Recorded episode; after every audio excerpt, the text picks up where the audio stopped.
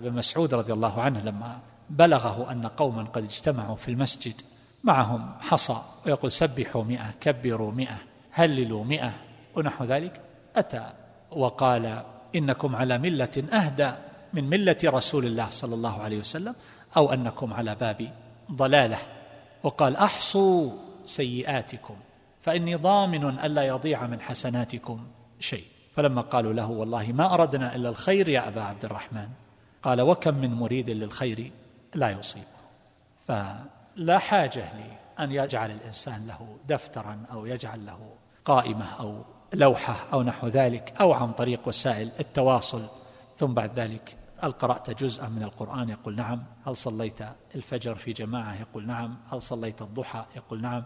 هل صليت السنن الرواتب؟ يقول نعم. هل تصدقت اليوم؟ يقول نعم. هل قمت بشيء من أعمال الصلة والبر؟ يقول نعم. هنا لا لا. سيوفى الإنسان جميع الأعمال وهناك من يحصي ويكتب. كل شيء لا يخفى عليه شيء لا في الظلام ولا في النور ولا في داخل الدار ولا في خارجها ولا في تحت اللحاف ولا في أظهر وأبرز الأماكن.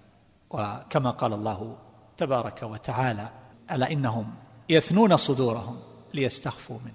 ألا حين يستغشون ثيابهم يعلم ما يسرون وما يعلنون. بعض العلماء قال في تفسير هذه الآية ألا إنهم يعني حينما يفعلون هذا الفعل إنهم ليثنون صدورهم هؤلاء من المشركين. يعني أنهم حياء من الله حينما يقضي الإنسان حاجته وتبدو عورته فيجعل ظهره منحنيا ليكون ساترا ما بينه وبين السماء.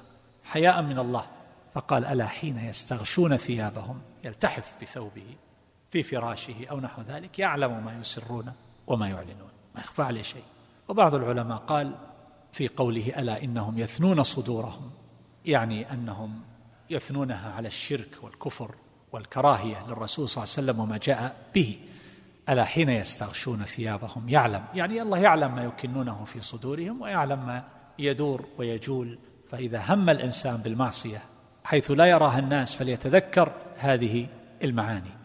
وهكذا في الطاعات وما تكون في شأن. أي شأن؟ هنا شأن نكرة في سياق النفي في شأن من الشؤون وما تتلو منه من قرآن. لا تعملون من عمل إلا كنا عليكم شهودا إذ تفيضون فيه. لا يقدم على عمل من الأعمال قراءة قرآن أو في شأن من الشؤون من صلاة أو صدقة أو غير ذلك إلا وربه مطلع عليه لا يخفى عليه خافية. فهذا في جانب الحسنات. وفي جانب السيئات. فهنا إذا استيقن المؤمن هذه الحقيقة بدأ يحاسب نفسه على كل حركة من حركاته وكل التفاته تقع في قلبه وعلى كل أعماله وخطواته ومزاولاته في هذه الحياة لأن التعامل مع من لا يخفى عليه خافية. الناس قد يخفى عليهم أشياء كثيرة جدا ولكن هؤلاء لن يحاسبوك. وإنما الذي سيتولى الحساب هو الذي لا يخفى عليه شيء. فهذا لا شك أنه دعوة لتصحيح المقاصد والنيات والأعمال وأن يحاسب الإنسان نفسه قبل أن يحاسب.